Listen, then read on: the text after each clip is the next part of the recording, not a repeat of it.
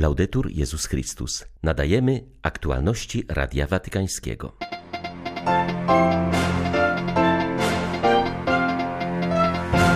Rozpoczął się ostatni tydzień synodu o synodalności. Nasza droga i nasze plany muszą być zgodne z wolą Boga, podkreślił na porannej Eucharystii kardynał Charles Bo. To jeden z najkrwawszych tygodni na Ukrainie i na całym świecie. Dlatego tym bardziej musimy się starać, by żyć w Bogu i być gotowym, by stanąć przed Jego obliczem, mówił w cotygodniowym orędziu wojennym arcybiskup Światosław Szewczuk. 40-lecie istnienia obchodzi watykańska telewizja.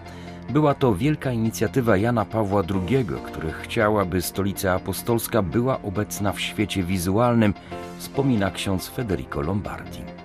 23 października wita Państwa Krzysztof Bronk. Zapraszam na serwis informacyjny. Nie jesteś sam wyzwania, odpowiedzi, nadzieję.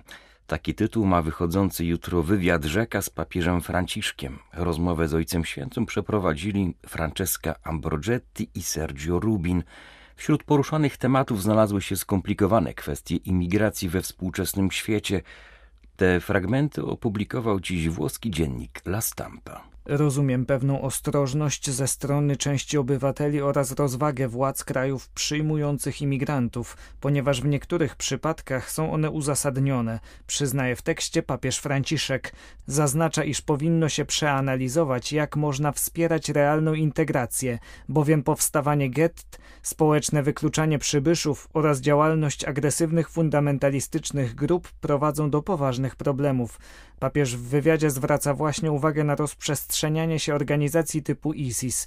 Zauważa, że w regionach, do których wpływy takich ideologii nie dotarły, życie obok siebie na przykład chrześcijan i muzułmanów opiera się na wzajemnym szacunku, ponieważ większość wyznawców islamu pragnie tak naprawdę pokoju.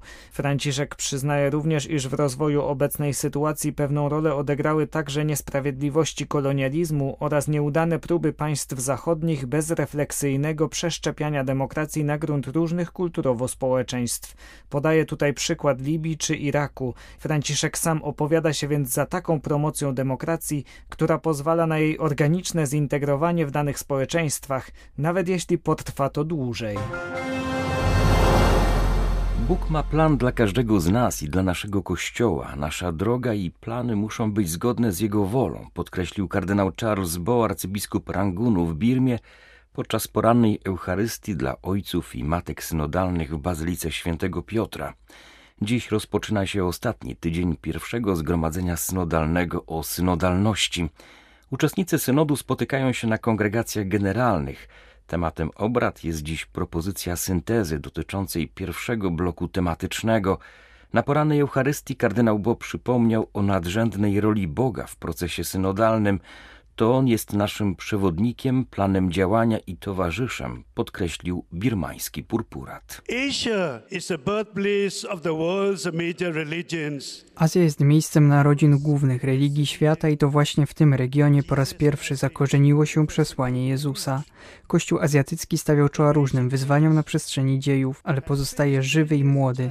W Azji nasze pielgrzymowanie we wierze nie jest pozbawione trudności, ale to zgromadzenie synodalne pobudza nas do powrotu do wielkich dni ewangelizacji z czasów apostolskich. Z optymizmem przyjmujemy wezwanie, aby Azja przyjęła Chrystusa w tym XXI wieku. Droga krzyżowa jest bolesną rzeczywistością we wielu częściach Azji. Jednak podobnie jak wierne kobiety, które podążały za Jezusem na drodze krzyżowej, Kościół w Birmie i Azji ma nadzieję na pojednanie.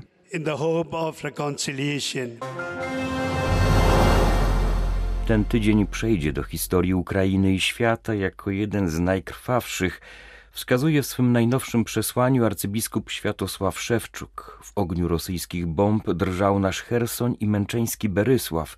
Szukano ocalałych pod gruzami tak w Dnieprze, jak i w Zaporożu.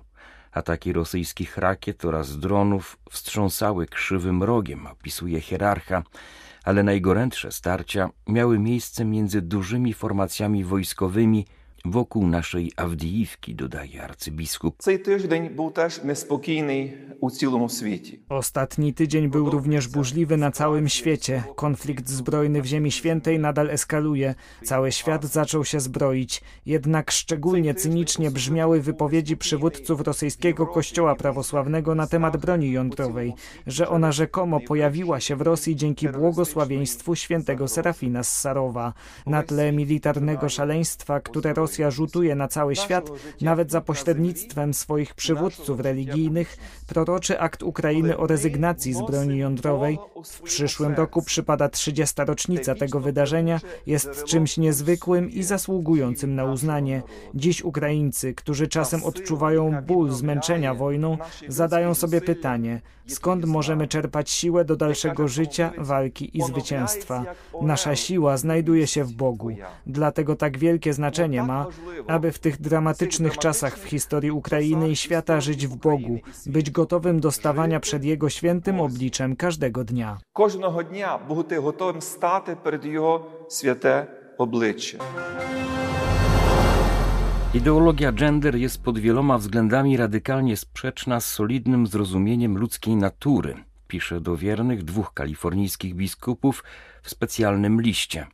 Arcybiskup San Francisco Salvatore Cordileone i biskup Oakland Michael Barber przypominają, że Franciszek nazwał ideologię gender jedną z najgroźniejszych kolonizacji ideologicznych. Jak tłumaczą biskupi, problem leży między innymi w promowaniu takiego pojęcia tożsamości osobistej, które zostawia ją wyborowi jednostki, a także w negowaniu faktu, iż podstawę dla istnienia rodziny stanowi różnica biologiczna między kobietą i mężczyzną. Biskupi przypominają, że człowiek to jedność duszy i ciała. Od chwili poczęcia, od początku swojej egzystencji posiada on ciało, które pod względem płci jest albo męskie, albo żeńskie. Biskupi przypominają słowa katechizmu Kościoła katolickiego. Bycie mężczyzną, bycie kobietą jest rzeczywistością dobrą i chcianą przez Boga. I dodają, że z tego powodu nie można o nikim powiedzieć, że znajduje się w niewłaściwym ciele.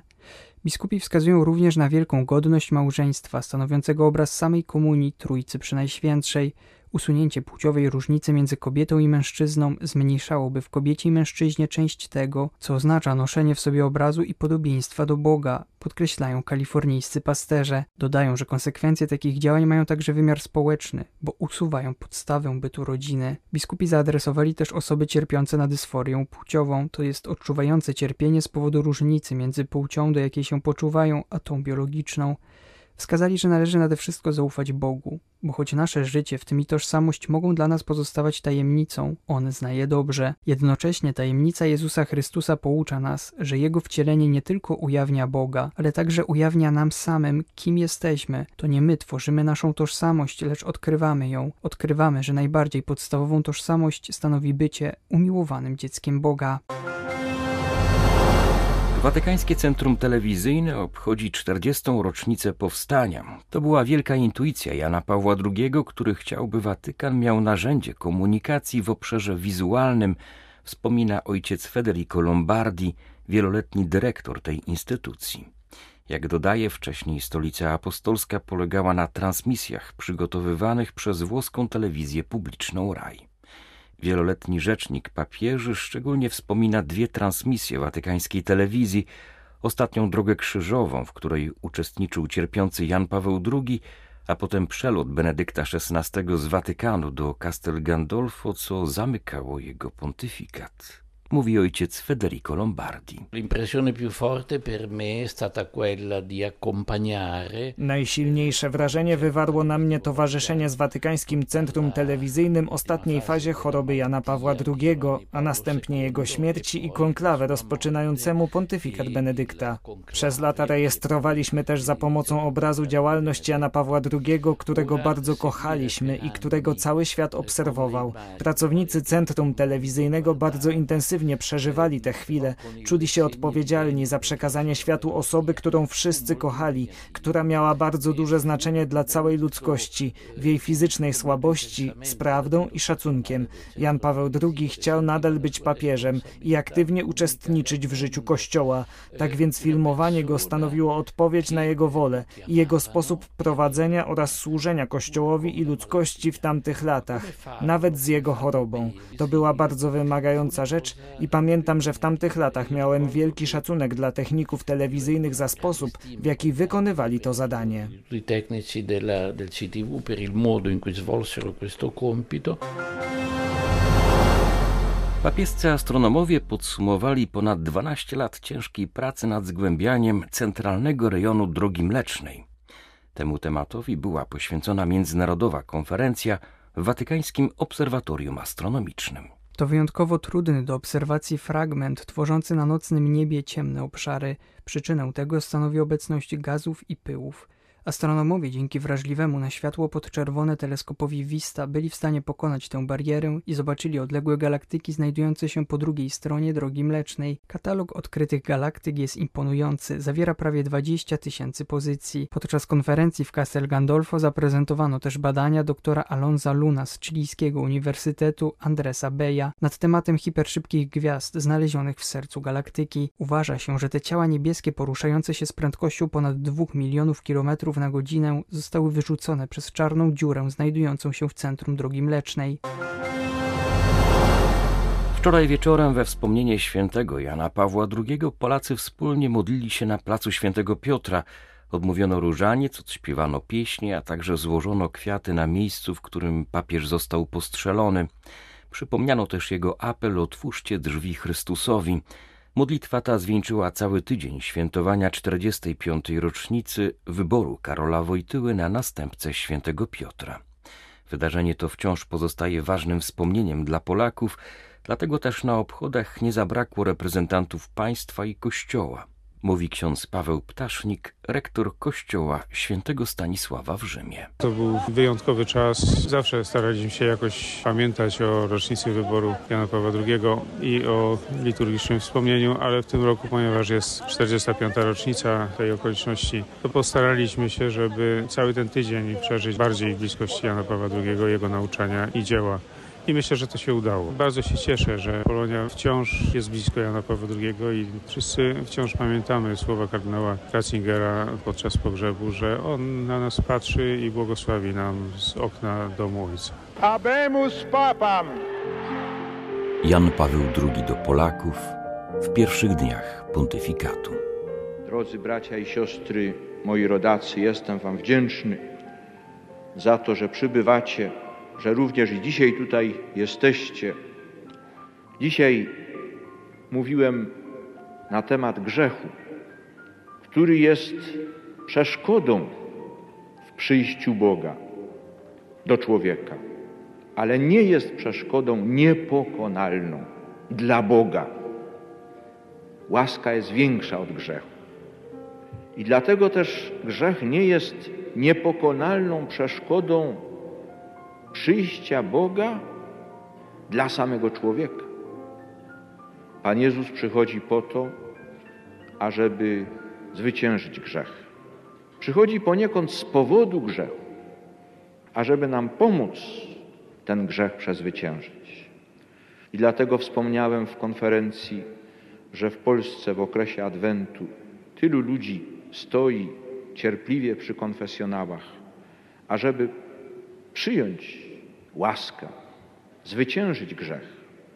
Życzę z całej duszy, ażeby to moje papieskie posługiwanie tu w Rzymie służyło tam, w Polsce, wszystkim moim braciom i siostrom dla zwycięstwa łaski nad grzechem, ażeby w ten sposób polski papież mógł służyć w swojej ojczyźnie. Były to aktualności Radia Watykańskiego.